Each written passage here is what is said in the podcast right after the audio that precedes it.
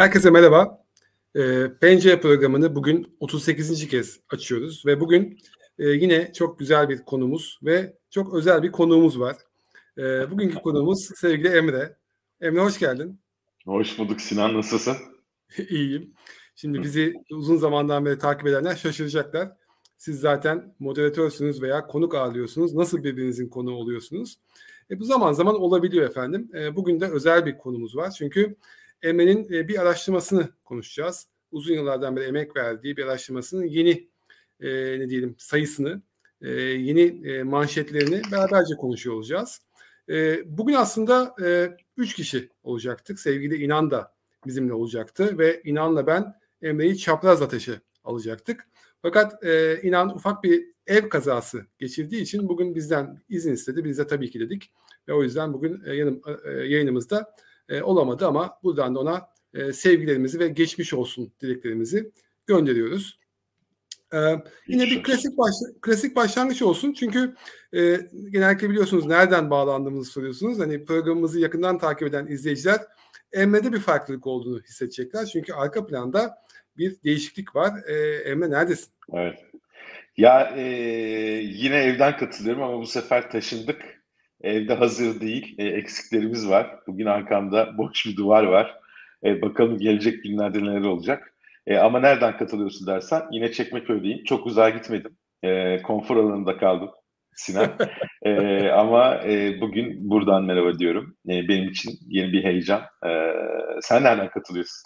Evet ben de yine e, klasik mekan e, Tekirdağ'dan e, bu programa katılıyorum. E, bizi izleyen e, takipçilerimiz de nereden katıldıklarını yazarlarsa Birazdan onlara da oradan e, selamlarını alırız ve e, ekrana da yansıtırız. Şimdi e, bugün e, Emre'yi konuk aldık dedik. E, Emre bildiğiniz gibi aslında birden fazla şapka taşıyor. E, taşıdığı şapkalardan bir tanesi de aslında araştırmacılık. E, Harvard Business Review'a 5 e, yıldan beri konfor alanı e, araştırması adı altında bir araştırma yapıyor ve her yılın genellikle bu aylarında da e, bu araştırmanın sonuçlarını e, çok da güzel bir yazıyla e, paylaşıyor. E, bu yılın e, yine araştırması Temmuz-Ağustos aylarında oldu ve sonrasında e, oldukça hummalı geçtiğini benim yakından takip ettiğim bir analiz ve arkasından belki de ne diyelim e, araştırma sonuçlarının paylaşılması süreciyle e, bugün satışa çıkan Harvard Business Review Türkiye dergisinin Kasım ayı sayısında araştırmanın e, yazısı paylaşıldı. Şimdi biz e, şanslı e, takipçiler olarak Emre'nin bu yazıyı e, okuma şansı bulduk ve e, bu yazı hakkında birazcık konuşacağız. Bunun e, ne diyelim e, hem geçmişini hem bugün hem de geleceğini e, konuşacağız. O yüzden ben çok lafı uzatmayacağım ve e, böyle bir ana başlığımızı da böyle e, manşetimizi de ekrana yansıtarak bu yılın araştırma sonucu olan bu büyük istifa edememe dalgası üzerine Emre ilk sorumu e, yönelteceğim ama kısa bir girizgah yapayım. Bu istifa etme konusu bildiğiniz gibi özellikle pandemi e, dönemi sonrası hepimizin çok daha fazla duymaya başladığı bir kavram oldu. Önce e, pandemiden sonra ve ne diyelim pandemi sırasında farklı çalışma modellerini, farklı çalışma metotlarıyla e, karşılaşan çalışanlar ve işverenler özellikle geri dönme aşamasında veya hibritleşme aşamasında birazcık zorlandılar. Bunu iyi yönetebilen şirketler veya kötü yöneten şirketler bunun etkilerini farklı şekillerde aldı. Ve dünyada bir büyük istifa dalgası adı verilen bir dalgayla karşılaştık. Özellikle biraz daha batı dünyasında e, ne diyelim daha ön planda olan bu dalga ülkemize kadar geldi. Arkasından bu büyük istifanın farklı bir versiyonu olan sessiz istifa denilen bir kavramıyla karşılaştık. Bunun da yine e, ne diyelim Batı dünyasında e, ağırlıkla yer bulduğunu ama bütün dünyaya da yayıldığını ve etkilerini farklı şekillerde de olsa hissettirdiğini gördük. Belki de bununla bağlantılı e, bugün e, Emre'nin e, bizimle paylaşacağı araştırmanın başlığı da büyük istifa edememe dalgası. Şimdi ben buradan tekrar sözü Emre'ye geçeyim. Bize özellikle bu araştırma hakkında biraz da geri planını aktararak bugünkü araştırmanızın sonucunu anlatabilirsen çok çok sevinirim. Ee, çok sağ ol Sinan. Bir kere e, pencerede böyle bir e, daveti yapmanız benim için çok büyük e, mutluluk. Çok teşekkür ederim. E, böyle değişik hisler içerisindeyim. E, ben araştırma bu araştırmayı neden yapma arzusunda e, düştük ondan bahsedeyim çok kısa yıllar öncesine giderek. Bir, e, ben kariyerim boyunca e, çok fazla işte pozisyon değiştirdim. Sizde de öyle şeyleri vardı zaten. Ciddi, ciddi şekilde lokasyon, şehir, kültür, kur, kurum vesaire bunlar e, başıma geldi. Orada bir dalgalanma yaşarken zorlandığım konular oldu. Ve aslında o değişim sürecindeki işte adaptasyon süreçleri, kendimi biraz daha iyi anlama arzusu beni bu konulara e, aslında merak sağlama e, neden olmuştu. Sonrasında da bunun bir organ, yani organizational behavior tarafında e, karşılığı olabileceğini düşünerek e, organizasyonları, kurum içerisindeki unsur insan olduğu için insanların aslında bu değişimlerinin e, yorumlamada konfor alanı yaklaşımını e, kullanabilir miyiz insan okuryazarlığı tarafında? Bunlar üzerine durmaya başladık ve bunu e, bir istatistiki model haline getirdik. E, bu modelimiz Türkiye'de, Amerika'da, Avrupa'da tescilli durumda bu arada. E, onu da belirtmek isterim. Her sene biz bu araştırma kurumlarda, organizasyonlarda yapıyoruz. Bir de Türkiye genelinde yaptığımız bir araştırmamız var Azor olarak. Bunu da Harvard Business Review Türkiye dergisinde her Kasım ayında yayınlıyoruz. E, şimdi bu seneki araştırma 5. senesi aslında Türkiye genelinde yaptığımız araştırmanın. Ve bu sene dediğim gibi e, konseptimiz büyük istifa edememe dalgası olarak ortaya çıktı. Biz her sene katılan arkadaşlar bilir bir tane yaklaşımı destekleyen bir ana soru setimiz var. Ondan sonra gündemin getirdiği üzerinde konjonktür yorumlamamızda işte yorumlamak istediğimiz bazı çerçeveleri araştırmaya oturtuyoruz. Bu senede bu yurt dışında çok fazla gündemde olan Great Resignation yani büyük istifa dalgasını e, Türkiye'ye e, yorumlayalım dedik. Dışarıda böyle oluyor da Türkiye kültüründe, Türkiye gibi e, zorlu bir ülkede, e, değişkenlerin çok fazla olduğu, e, şartların farklı e, şey, geliştiği bir ülkede durum nedir ona bir bakalım istedik. Çalışanların e, duygusal fazı, ihtiyaçları nasıl değişmiş ona bakalım dedik. Ve e, aslına bakarsan bu sene büyük istifa edememe dalgası e, başlığını koyma ihtiyacı duyduk. Neden dersen rakamlar üzerinden geçeriz ama enteresandır. E, şöyle bir gerçek çıkıyor Sinan e, yurt dışındaki insanlar veya Batı dünyasındaki insanlar içlerindeki çalkantıyı, duygusal e, zorlanmayı veya bazı tepkileri e, istifa ederek ortaya koyabilirken bizim içinde bulunduğumuz şartlar bunu istediğimiz gibi gerçekleştiremememize neden oluyor.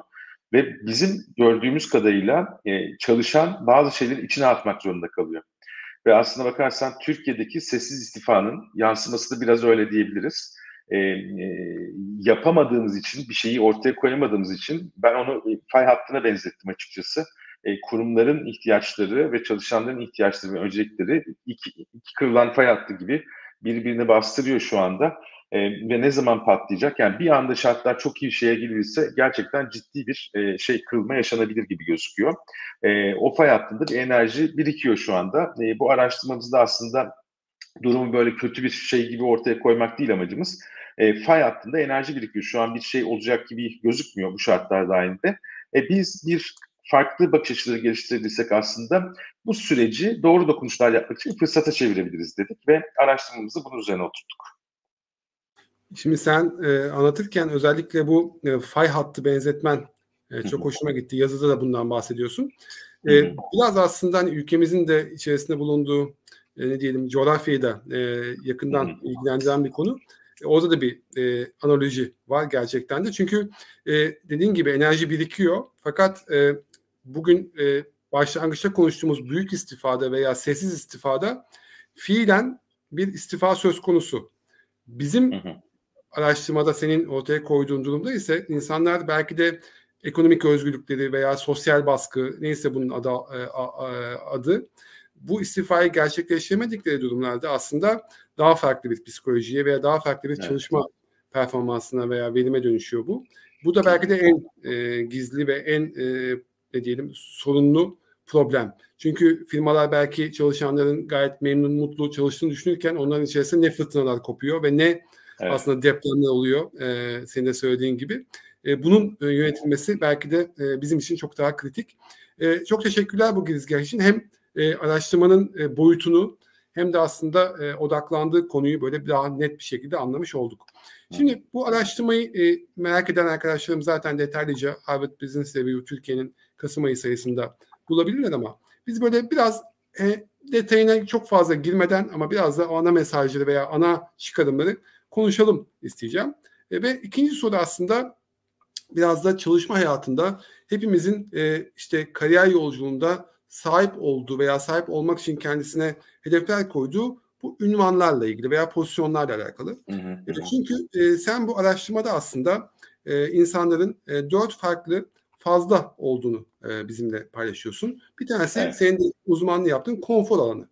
Yani konfor alanında demin de söylediğin gibi belki de senin e, tekrar Çekmeköy'de e, evine yakın bir yerde bir ev e, bulmana, taşınmana e, belki de ön ayak olan veya iş hayatında daha çok bildiğimiz, e, daha önce tecrübe ettiğimiz alanlarda çalışmayı tercih etmek gibi veya firmalarda e, mevcut pozisyonlarımızı korumamızı e, ortaya koyan yönelimlerimiz gibi konfor alanında olmayı tercih edebiliyoruz. Bunun dışında üç tane daha alan var. Belki bu üç alan konfor alanı kadar çok bilinen, popüler veya e, konuşulan alanlar değil ama bir tanesi heyecan alanı, bir tanesi kaygı alanı, bir tanesi de geçiş alanı.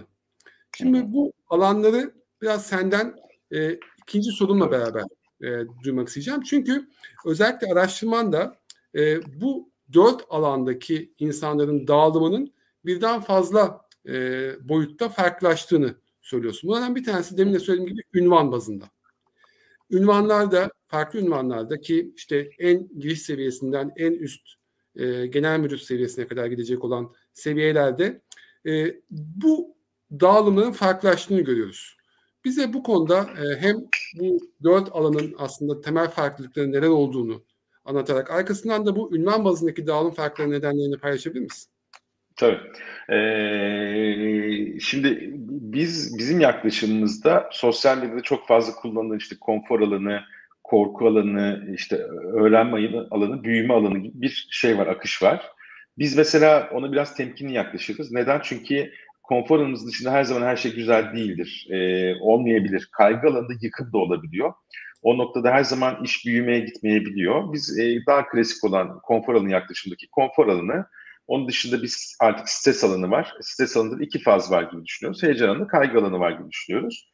E, bunun üzerine oturtuyoruz bütün yaklaşımımızı ve e, her faz arasında da geçiş şeyleri var. E, fazları var. O, da, o taraflarda bizim yaptığımız çalışmalardan önceki çalışmalar da şey gösterir. O fazlar arasında geçişlerde e, bir sarsıntı yaşar insan. Yani çünkü bir e, o e, konforundan çıktığınız zaman sudan çıkmış balığa döndüğünüz durumda olur. Tabii durumun şart yani oradaki konunun sertliğine, e, ciddiyetine göre bunlar değişebilir. Şimdi biz ne yapıyoruz? E, bir hedef kitleye bakıyoruz ve onun yüzde kaçı konfor alanında, yüzde kaçı heyecan alanında, yüzde kaçı kaygı alanında buna bakıyoruz.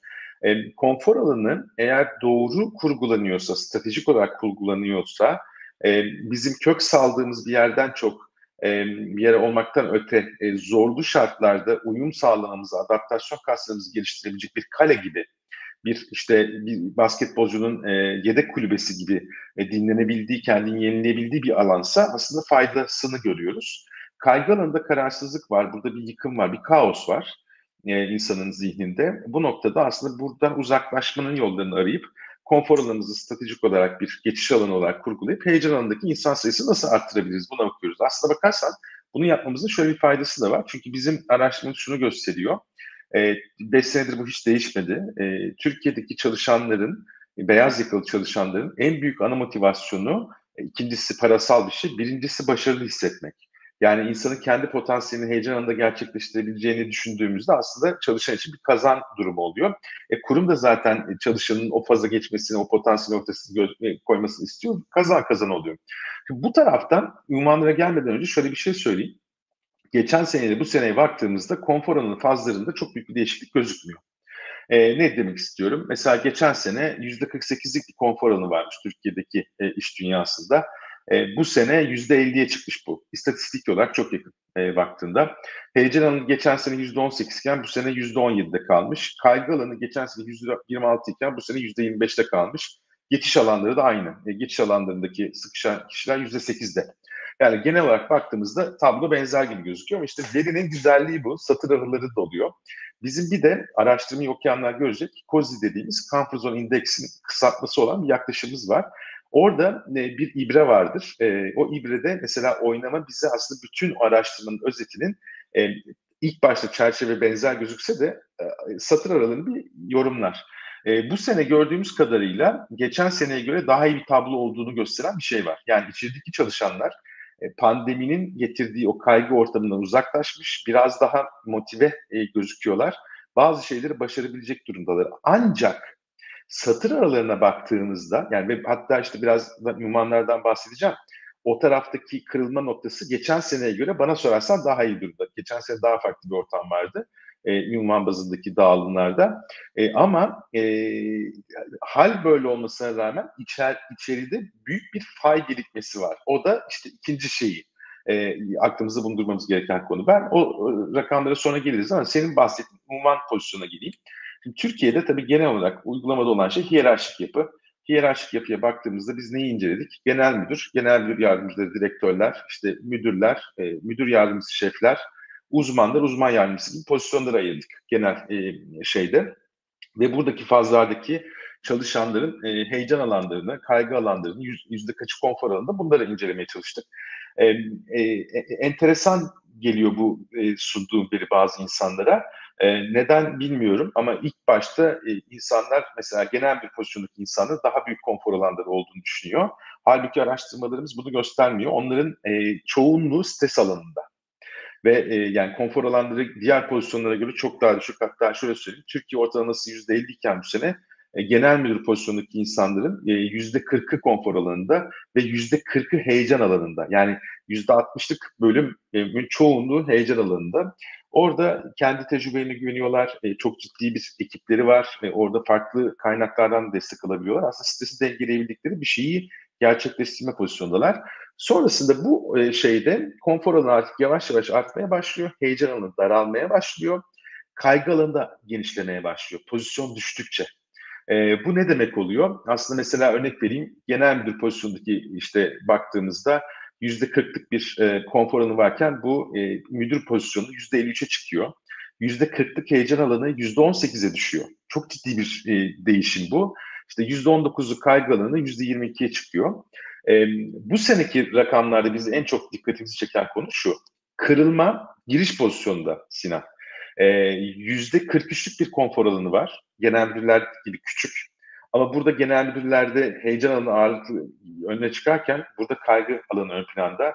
Giriş pozisyondaki insanların yüzde 31'i yani bu ünvan bazındaki en yüksek oran e, kaygı alanında gözüküyor. Bu ne demek oluyor? E, üst pozisyondaki insanlar tecrübelerini kullanarak, aralarındaki iletişimi kuvvetli kullanarak vesaire masa başında güzel plan yapabilirler. Ama uygulama hiyerarşik yapılarda genelde alt pozisyonlarda olduğu için alt pozisyonlardaki kişiler uygulama tarafında maalesef bazı zorluklar yaşayabilirler. E, bu noktada bu kırılma noktasına dikkat etmek, bunun nedenlerini sorgulamak, kurum içerisinde buna değinip aslında onları da bu sürece dahil edebilecek, e, en azından o kaygı oranlarını düşürebilecek dokunuşlar yapmak gerekiyor. Geçen sene bu neredeydi? Müdürden sonra bir kırılma vardı. Müdürden sonraki şeyde geçen sene de bunu gündeme getirmiştik. Şimdi biraz daha aşağı kaymış. Giriş pozisyondaki insanlarda ciddi bir kaygı e, yükselmesi var diğer pozisyonlara göre. E, bu bana çok enteresan gelmişti. Senin açıklamalarına biraz daha netleşti. E, ben baktığım zaman tabloya dediğin gibi hani böyle bir parabol tarzında bir e, görüntü var. Özellikle konfor alanında e, üst seviyelerde düşükken orta seviyelerde biraz yükseliyor. Tekrar giriş evet. seviyelerde düşüyor. Burada mesela ben şunu da e, düşünmüştüm. Belki e, senin de e, farklı bir yorumun olacaktır ama özellikle üst seviyelerde biraz daha e, şirket yöneten veya işte patron e, seviyesindeki kişilerde e, pandemi sonrası dünya e, pek de böyle hazırlıklı olunan bir dünya değildi. Pandemi de hazırlıklı olunan bir dünya değildi ama pandemiden sonra özellikle çalışanların beklentileri çok değişti. E, çalışma şartları çok değişti. E, bu anlamda e, belki de o bilinmezlik veya belki de bahsettiğimiz o dünyadaki o işte istifa dalgaları veya insanların beklentilerinin e, tam iş hayatında karşılanamadığı e, durumu e, üst yönetime böyle bir e, konfor alanından çıkma, biraz daha e, heyecan alanı, alanıyla beraber konfor e, kaygı alanında daha fazla zaman geçirmeyi e, mecbur kılıyor. E, benzer durum dediğim gibi belki orta seviyelerde daha tanıdık veya daha yönetilebilirken giriş seviyesinde de yine e, bu konfor alanındaki düşüş bana biraz hani onların da iş hayatında yeni olmaların getirdiği e, ve belki de tecrübesiz olmanın getirdiği ve o belirsizliği iyi yönetememenin getirdiği bir sonuç olarak yansımıştı. Ama senin anlattıklarına bunun hakikaten biraz daha çerçevesi benim açımdan çizilmiş oldu. Şimdi burada burada şey de eklemek isterim Sinan. Dediklerin çok doğru. Orada bir tecrübe de gerekiyor. Ee, şimdi ama mesela giriş pozisyondaki birçok kişi e, 2022'de yine hibrit ortamlarda ofislere geldiği oldu. Uzaktan çalışanlar da var. E, ofiste çalışanlar da var. Onlar da zorlandılar ve aslında onlar şey kaygısı mesela bir sene önce üniversite okuyorsa benim kariyerim ne olacak, ben ne yapacağım kaygısı vardı.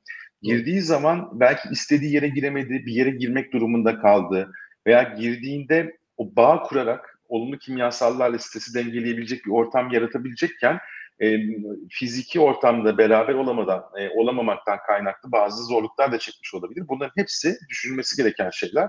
Ama her kurum için bence kendi gerçekleri, kültürü dahilinde mercek altına alabilecek bir konu. E, bunu da eklemeden geçmek istemedim. Evet evet çok haklısın. Şimdi burada e, bir sonraki soruya geçmeden önce sevgili İnan'dan bir mesaj geldi. Onu ekrana yansıtayım. Evet. E, bugün yanınızda değilim ama izleyici olmakta keyfi demiş. E, biz de senin bugün burada olmanı isterdik ama e, yokluğunu hissettirmemeye çalışıyoruz sevgili İnan. E, eminim ki bir sonraki yayında tekrar bir arada oluruz. Tabii bu arada e, bazı takipçilerimiz e, inana e, bazı laflar da atmışlar. Like'lamayı unutmuyoruz şeklinde. E, tüm takipçilerimizi evet biz de o zaman e, bir beğeni isteyelim. Hani bu da çok popüler ya. bizi daha fazla e, göz önüne sokmak için. Şimdi bu aşamada e, ben e, sorularıma devam ediyorum ama e, takip eden arkadaşlarımızdan, takipçilerimizden de varsa bu konuyla ilgili sorusu olanlar onları da e, mutlaka duymak isteriz. E, onları yine e, elimizden geldiğince ekrana yansıtmak ve e, cevaplamaya da çalışırız. E, o anlamda bir kez daha e, yorum yazan, takip eden herkese teşekkür ediyoruz. Şimdi ben buradan e, üçüncü soruma geçeceğim. E, demin bahsettiğimiz gibi araştırma çok e, boyutlu e, ve dediğim gibi e, ki benim de çok hoşuma gitmişti. E, sadece ana rakamlara baktığımız zaman belki birbirine benzeyen rakamlarla karşılaşıyoruz. Fakat bir bu buzdağının görünen kısmı ve özellikle evet. buzdağının altına girdikçe çok farklı mesajlar, çok farklı çıkarımlar da elde etmek mümkün oluyor. Şimdi biraz e, işin cinsiyet tarafına bakalım. Çünkü özellikle iş hayatı e, bizim e, özellikle bu programda da e, hep vurgulamaya çalıştığımız bu hani e, ne diyelim e, bir e, ekip içerisinde o e, daha iyi performansı sağlayabilmek adına e, o farklılıkları yönetebilme ve e, dahil edebilme noktasında kadın ve erkek çalışanların e, daha e, etkin bir e, çalışma ortamında bir araya gelebilmesi bizim çok önemli gördüğümüz bir konu. E, bunu da incelemişsiniz araştırmanızda ve evet. özellikle kadın ve erkek çalışanların e, kaygı alanı, heyecan alanı ve konfor alanı rakamlarında da bazı farklılıklar gözüküyor. Bu farklılıklar benim gördüğüm kadarıyla geçmiş yıllara paralel bir şekilde devam ediyor ama e, rakamları ve e, yorumlamayı senden alayım. E, ne diyorsun sevgili Emre? Şimdi bu, bu, bu konuda bizim elimizde 5 senelik bir veri var. Bunu farklı kurumlarda yaptık. Oradaki rakamları veremeyeceğim ama oradaki çıktılardan da aslında dokunuşlarımız olacak bu anlatımlarında. Şimdi mesela e, şöyle bir e, bilgi vereyim. Bu sene 1600 kişi katıldı. E, 1631 kişi katıldı. Katılanların 791 kadın, 840 erkek. E, şimdi bunları hepsini ayrı ayrı incelediğimizde şunu görüyoruz bir kere. E, kadınlar daha kaygılı. Kadınların kaygı oranı erkeklere göre daha yüksek. Daha da önemlisi son 5 sene içerisinde e, kadınların kaygı oranı erkeklere göre çok daha hızlı bir artış gösteriyor. Oransal olarak artış sonucu da yani sonuç olarak artış da daha yüksek. Erkeklerde de arttı ama erkeklerde dalgalı bir seyir e, seyrediyor. Harvard Business Türkiye'de online'da veya dergide zaten orada detaylı bir grafik paylaştık görebilirsiniz tüm arkadaşlar. Buna karşılık enteresan başka bir tabloda 2018 yılına döndüğümüzde yani o işte finansal krizi yaşadığımız dönemde e, aslına bakarsan onun etkileri daha ortaya çıkmamışken bir araştırma yapmıştık. Sonra 2019'a baktık. Şimdi 2018'de e, kadınların konfor alanı erkeklere göre daha fazla gözüküyordu. Çok daha fazla gözüküyordu karşılaştırdığımızda. Bunun nedenleri irdelediğimizde şunu görüyorduk. Mesela pozisyonları vuruyorsun, işte satır aralarını okuyorsun vesaire. E, kadınlara riskli veya gerçekten sorumluluğu yüksek e, şeyler daha az veriliyordu. Bunun yansıması olarak. Yani katılımcıların tümüne baktığımızda Türkiye geneline baktığımızda bu böyle sirayet ediyor maalesef. Her şey belki bizim içinde çalıştığımız veya temas ettiğimiz kurumlardaki gibi değil. Kadınlar daha az kritik sorumluluk alıyordu vesaire. E, belki daha az riskli veya daha az stratejik işlerde yer alıyorlardı e, gibi gibi. Sonra kriz devreye giriyor. 2019'da işten çıkarmalar, küçülmeler devreye girdi. Kadınların kaygısı artmaya başladı. Erkeklerin konfor alanı yükselmeye başladı bu noktada. Bu enteresan bir şey. E, burada mesela e, böyle farklı farklı şeylerde, senaryolarda şunları bile görebildik. E, işte işten çıkarılma yapılırken işte e, Ayşe'nin eşi zaten çalışıyor. Ama mesela işte Furkan'ın eşi çalışmıyor. Furkan şimdi çıkarsa e, çocuğu da var. Ne olacak? Yani bu gibi şeyler de gündeme gelmeye başladı. İşte her şey e, hak ediş üzerine olmayabiliyor. Farklı yorumlamalar yapabiliyor. İnsanız. E, bu, bunların hepsini görebiliyoruz. E, bu gibi şeylerle kriz ortamında ve kriz boyut değiştirmeye başladıkça kadınların kaygı oranı artmaya, konfor alanı daralmaya başladı. E, 2018'de %61 olan konfor alanı kadınlardaki %47'ye düştü 2022'de. Covid'de daha ciddi bir kırılma var. E, burada da çok hoşuma giden ve detaylarını e, sık sık dönüp baktığım bir araştırma var. Sabancı Üniversitesi ve İstanbul Üniversitesi'nin ortaklaşa gerçekleştirdiği bir araştırma COVID döneminde. E, kadınların aslında nasıl e, zorluklar yaşadığını çok net şekilde ortaya koyuyor. İki tarafta da yani işteki gereklerini yapmaya çalışırken evdeki gerekliler ikisi çatışınca aslında orada çok farklı bir şey oluşmaya başlıyor. Geçen sene e, istifa etme veya farklı işte seçenekleri değerlendirme değil, evden çalışma, işte ofisten çalışma gibi şeyleri değerlendirmiştik. Geçen sene kadınlar daha çok ofisten çalışmak istiyordu. Yani o bir şeyden kurtulup aslında oraya gitmek istiyor. Yani her şeyin, her etkinin bir, yani bir tepki oluşturuyor. Tepki de böyle gözüküyordu. Ee, kadınlarda kaygı oranı artıyor ve yani son 5 yıldır bu trend değişmedi. Ee, ve yani ben bunu şöyle de bakıyorum açıkçası. Ee, hani acındırmak için söylemiyorum olayı ama böyle bir gerçek varsa buna bir şey yapmak zorundayız. Yani oradaki insanın ihtiyacında çünkü yüksek stres yıkıcı yıkıcı bir şey ve sağlıkla ilgili de bir tarafı var bildiğin üzere. Bu tarafta yani e, iş hayatıdır, stresidir. Bunu bunu, bunu biraz hani çok e, nasıl diyeyim sana e, yersiz şekilde kullanabiliyoruz gibime geliyor. Çok derinlemesine düşünmeden. Bu, bu, artan bir trend ve umarım böyle devam etmez gelecek senelerde. Bunun üzerine değinilmesi gerektiğini düşünüyorum. Yani e, evet kadın çalışan oranını arttırmalıyız. Evet. Kapsayıcı da olmalıyız. Evet. Ama e, sadece fikirleri dinlemek, onları kapsamak, işte kapsayıcı şekilde içinde dahil etmekten geçmiyor olay. Bu tarafları da değinip, bunları da görüp o iyi olma hali, hak ettiğimiz o iyi olma halinde biraz daha gündemde tutmalıyız diye düşünüyorum Sinan. Kesinlikle. E, tam da aslında bununla alakalı bir e, soruyla aslında yavaş yavaş da toparlamak istiyorum. E, çünkü dedin ya hani sadece sözde değil hani özde yapmak gerekiyor bunları. Ve özellikle e, benim bu araştırmadan e, kendime çıkarttığım en temel noktalardan bir tanesi e, belki de bizim için en kıymetli alanın e, bu heyecan e, alanı olduğu. Yani hı hı. konfor alanı, e, kaygı alanı e, bunlar tabii ki hayatın gerçeği. E, birçoğumuz da bu alanlarda kendimizi dönem dönem buluyoruz ama e, bunların içerisinde kendimizi bulduğumuzda hem kendi kariyerimizde hem de çalıştığımız firmalara e, organizasyonlara en fazla katkı verdiğimiz zamanlar aslında heyecan alanında hmm. olduğumuz ve bunu e, bilinçli bir şekilde mümkün kılabildiğimiz zamanlar gibi gözüküyor. Şimdi bu noktada araştırmanın arkada aslında belki de son tarafında vurguladığınız bir e, kısım var. Ben biraz bunun üzerinde konuşarak yavaş yavaş da e, toparlamak istedim. O da e, madem ki heyecan alanı bu kadar önemli, bir çalışanları burayı nasıl çıkartacağız?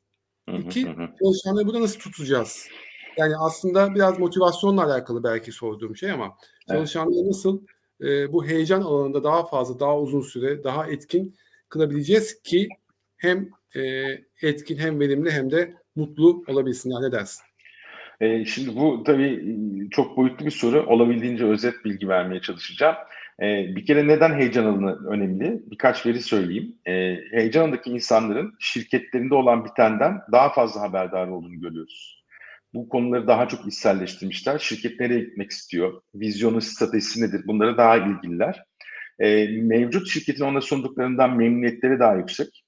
E, beklentilerini daha fazla karşılıyor şirket. E, sadece işte ofis ortamı gibi düşünmeyin bunu. Gelişimiydi vesaireydi, işte ona verilen destek cesaretlenmediğini düşünebilirsiniz. Ve şirketin geleceğine çok daha e, parlak bakıyorlar.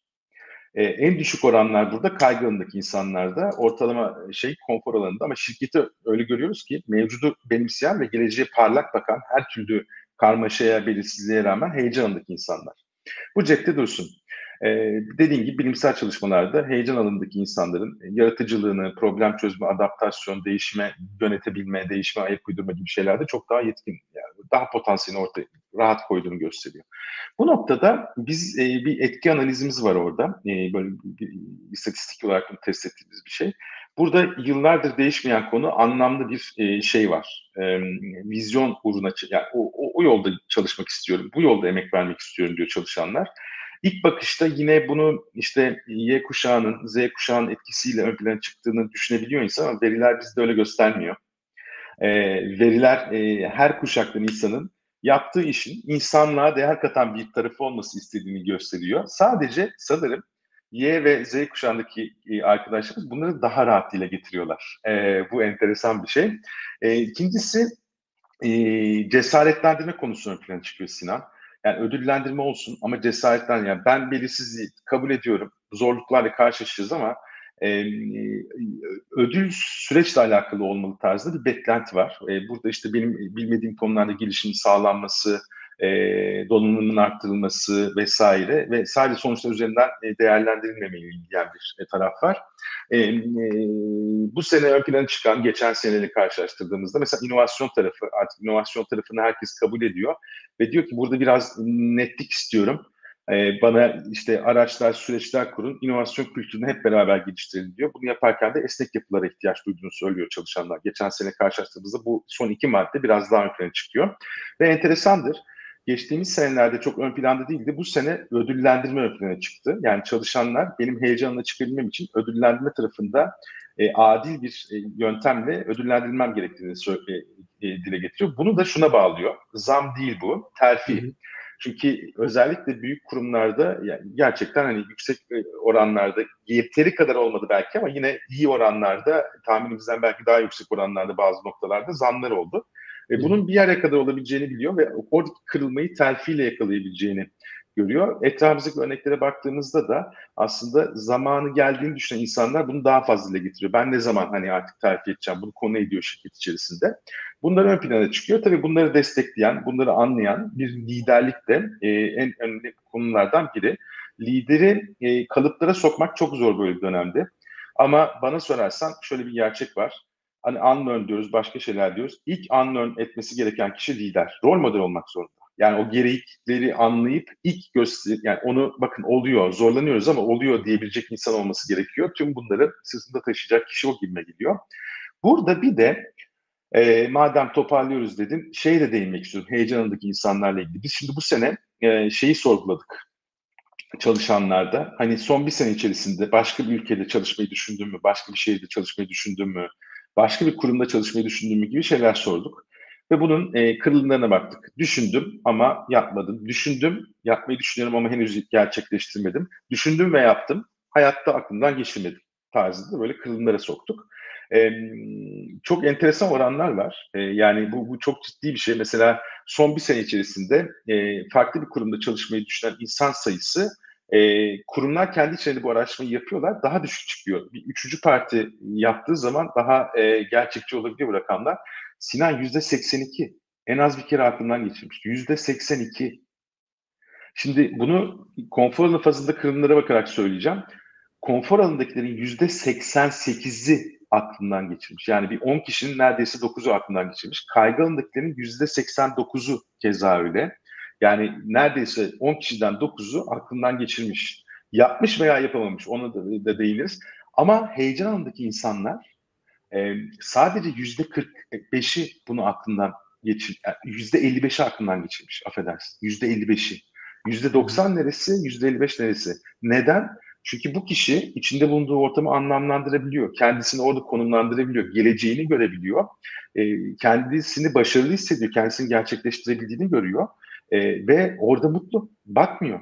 göreceli olarak diğerlerine göre daha az bakıyor. Yani o bağlılık dediğimiz işte e, tutma dediğimiz fonksiyonlar için aslında belki e, odaklanmamız gereken şey o çalışanın kendisini değerli hissettirecek şekilde kendisinin gerçekleştirmesini sağlayacağımız o faza geçirmek. Onu geçirdiğimiz zaman zaten e, iş otomatik olarak e, düzeye gidiyor gibi gözüküyor Sinan.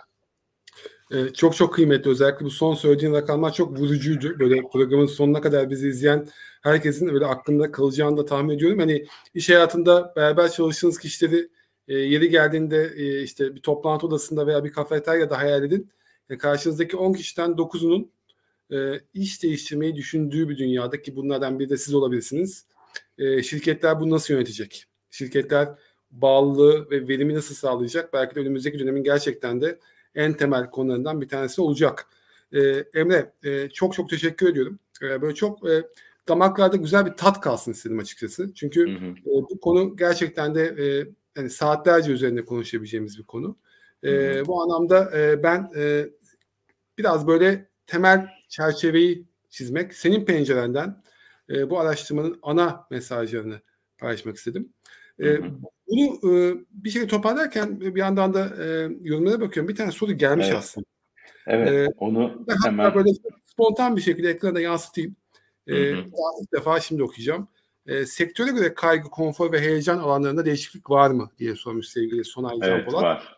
Ee, sağlık sektörüne özellikle e, değinmemizi istemiş. Buraya yönelik eğilim nasıl diye bir sorusu var Emre. E, nasıl cevap? Evet. Şimdi e, ben şöyle bir e, cevap vereyim. O sırada e, bununla ilgili detay verilerimi de açmaya çalışayım izninizle. E, bir kere o kırılmada bakıyoruz. E, çok detaylı bir kırılma olduğu için genelde araştırma raporunda paylaşmıyoruz.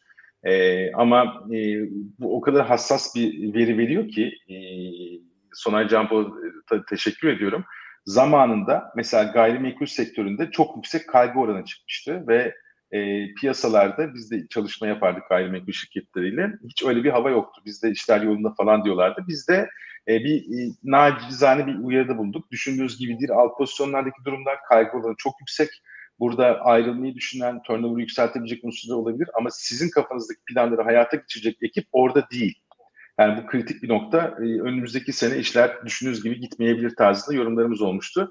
Nitekim sonrasında e, şeyler oldu. Yani biz doğruyu bulduk, söyledik diye demiyorum. Veriler bizi doğru yönlendiriyor demek istiyorum. Sektörlere baktığımızda ilk söyleyebileceğim konu şu. Genel olarak bakalım mesela. Hizmet sektörü e, işte FMCG ve SMCG olarak baktığımızda en yüksek kaygı olanın SMCG'de olduğunu görüyoruz. Yani burada işte gayrimenkul, işte beyaz eşya, otomotiv gibi şeyler gibi düşünün. Hizmet sektörü 20, %25 oranında yani sağlığı da içeren hizmet sektöründe 4 kişiden biri kaygı alanında gibi gözüküyor. E, FMCG biraz daha dengeli gözüküyor göreceli olarak. Sektöre e, odaklanacak olursak da şimdi onunla ilgili verilere ulaşmaya çalışıyorum e, bir Excel dosyamdan. E, şeyi söyleyebilirim, sağlık ezberinde olmasa da en büyük konfor alanlarından biri telekomünikasyon e, sektöründe.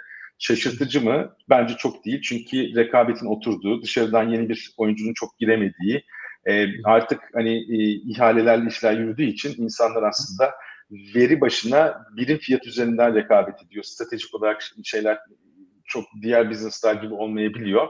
Onu görüyoruz ve her şeyin gerçekten hani sistematik şekilde dijital üzerinden de ağırlık yürüyebildiği bir şeye geliyoruz. Ee, Emre dilersen sen e, ekranda birazcık hani e, rakamları açarken evet. ben de bir iki yorum yapayım sevgili Sonay Can Bolat'ın e, sorusunu. E, ben de senin söylediğin gibi özellikle e, sektörlerin e, belki de işte o Porter'ın e, o strateji e, yaklaşımından e, birazcık da yararlanarak hani birden fazla farklı boyutta e, avantajları veya dezavantajları olabileceğini e, ekleyeyim. E, giriş bariyerleri senin dediğin gibi e, buradaki temel e, başlıklardan bir tanesi olabilir. Eğer sektörünüzün giriş bariyeri yüksekse e, bu gibi zamanlarda e, belki de kaygı seviyesi biraz daha aşağıda kalabiliyor çalışanlarda. E, bununla beraber aslında rekabetin e, ne kadar yoğun olduğu veya e, güç dengesinin nasıl değiştiği buradaki temel başlıklardan bir tanesi de olabiliyor. E, sağlık sektörüne yönelik tabii ki senin verini e, merak edeceğim ama benim Hı-hı. gördüğüm sağlık sektöründe çalışan arkadaşlarımdan da duyduğum regüle e, sektörlerden bir tanesi olduğu için e, belki de e, o regülasyonların e, değişimine göre de e, bazen olumlu bazen olumsuz yönde değiş e, etkilenebilir bu tarz e, sektörler. Evet. Ve son, son dönemde benim beklentim e, aslında kaygı seviyesinin yüksek olacağı yönünde ama bakalım senin rakamlar ne söyleyecek? Yani aslında dediğin şeye yakın bir şey geliyor. Ben de şimdi rakamları açtım.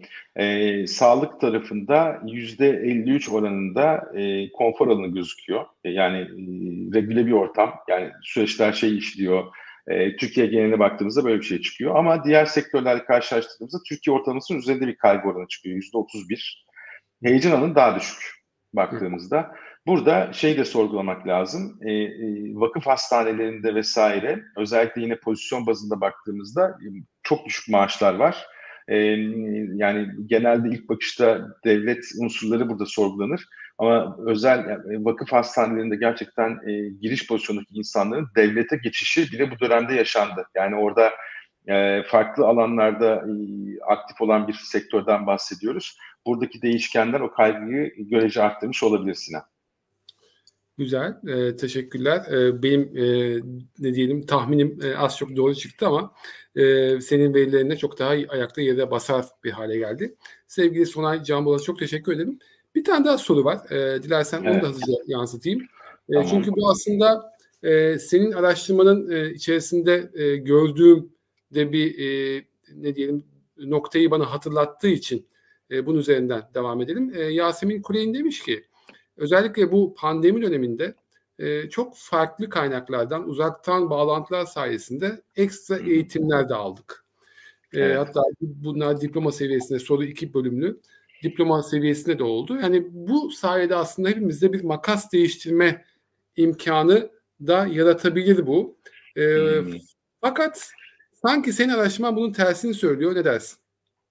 Şimdi e, yaratabilir. Herkes için e, şey söyleyemem. Herkesin burada farklı bir şey var ama Türkiye geneline baktığımızda Sinan buluşmalarımızda inanın buradan inanın sen de inan da işte bu World Economic Forum sonrasında falan çok tartışırız. İşte ne diyoruz? İşte bir ömür boyunca kariyere birkaç meslek sığdıracağız bundan sonra. İşte yeni şeyler öğrenmemiz, yeni taraflarda kendimizi geliştirmemiz, aynı anda birkaç farklı işi belki icra etmemiz gerekecek gibi şeyler var.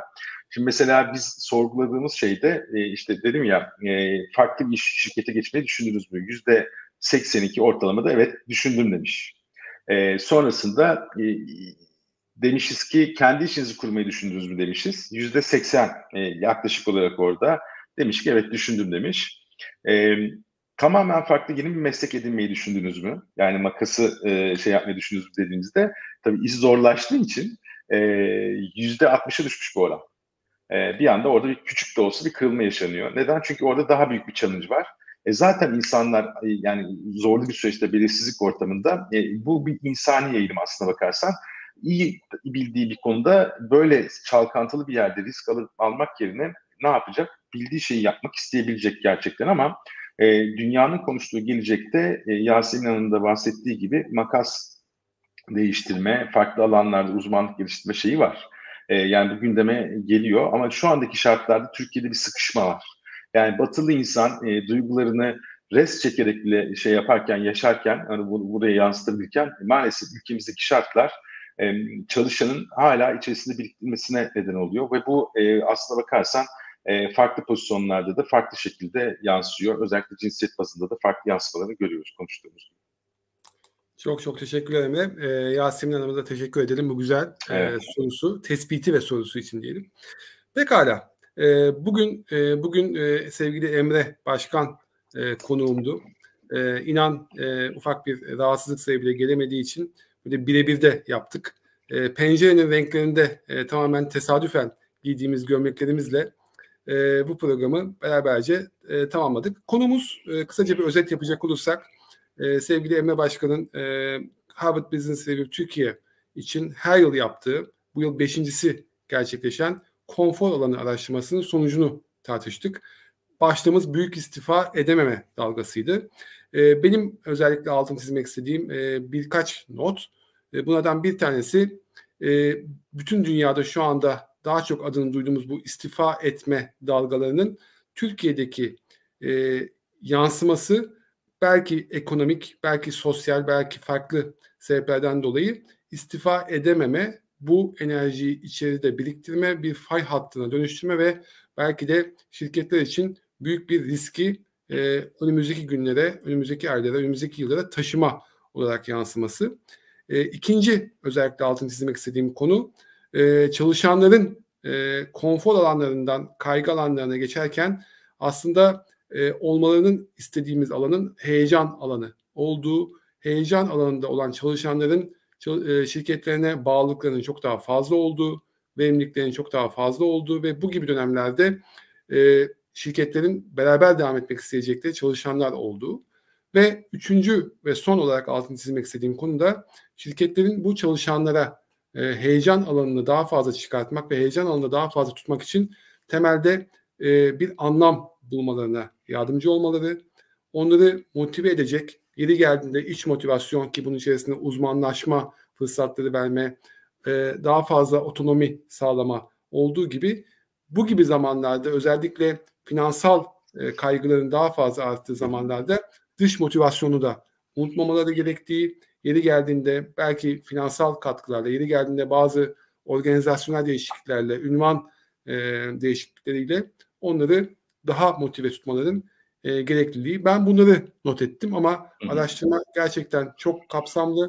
E, merak eden herkesin Harvard Business Review Türkiye'nin Kasım ayı sayısında Emre Başkan'ın bu güzel yazısını ve araştırma sonuçlarını okumasını dilerim. Son sözü sana bırakacağım sevgili Emre. Bu araştırma ile ilgili atladığımız, özellikle altın çizmek istediğin, vermek istediğin bir mesaj varsa senden alarak programı kapatalım.